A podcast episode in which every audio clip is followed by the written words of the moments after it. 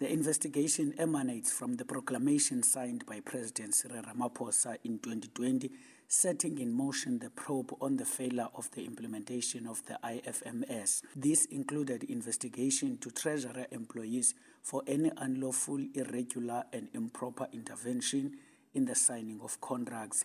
Head of the SIU, Andy Motibi, says the start of the need for the investigation was due to many reports submitted to the unity by various complainants.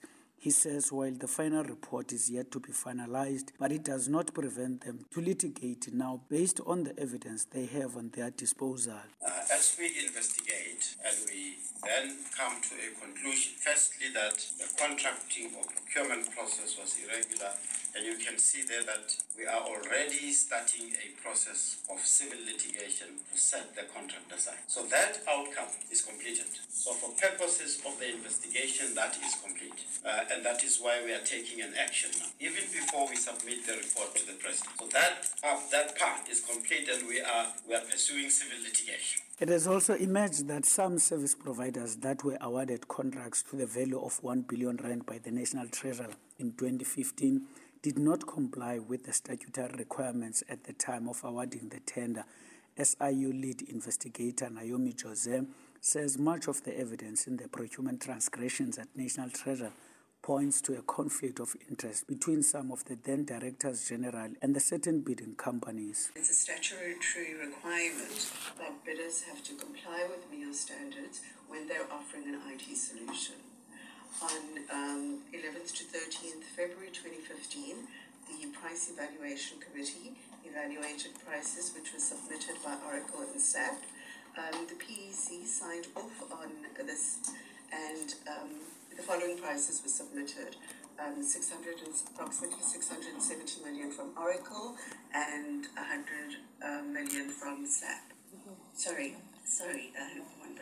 TB says part of the provisional report relates also to issues of disciplinary actions against senior officials and referrals on criminal related matters to the relevant law enforcement agencies. With regard to the outcomes on uh, disciplinary action, again is on the same basis that we have gathered evidence pointing to the misconduct of officials, and that part is complete. And action is required on that. It's complete even before we produce the final report to the press. Now, similar to the others, like you know, referrals for blacklisting and referrals for NP to NPA, it, it, it does mean that we have picked up evidence in our view that points to criminal action and that's why we've referred. So all the outcomes and the referrals that you could call you know, referral reports are, are final in their own nature. Motibi says some of the implicated persons include former directors general who have since departed the institution. And as my colleague indicates,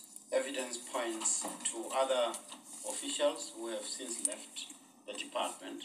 Uh, however, even though they've left, as part of our process is that if we identify that they were part of any prejudice or loss caused to the department, when we go to the civil part, which is bullet point number four, the legal team will assess whether to cite them as respondents in the in the in, in, the legal process as well. But Deputy Finance Minister David Masondo says he is concerned that the Treasurer is expected to respond on the report even though it is not completed. And I'm not certain if also the former DGs have been engaged on the findings. Um, so I'll need your guidance here on how do we deal with reports that are incomplete? How do we respond to them and, and, and, without coming across like we want to hide anything? Uh, but we'll need your guidance in that regard. Is this report for noting?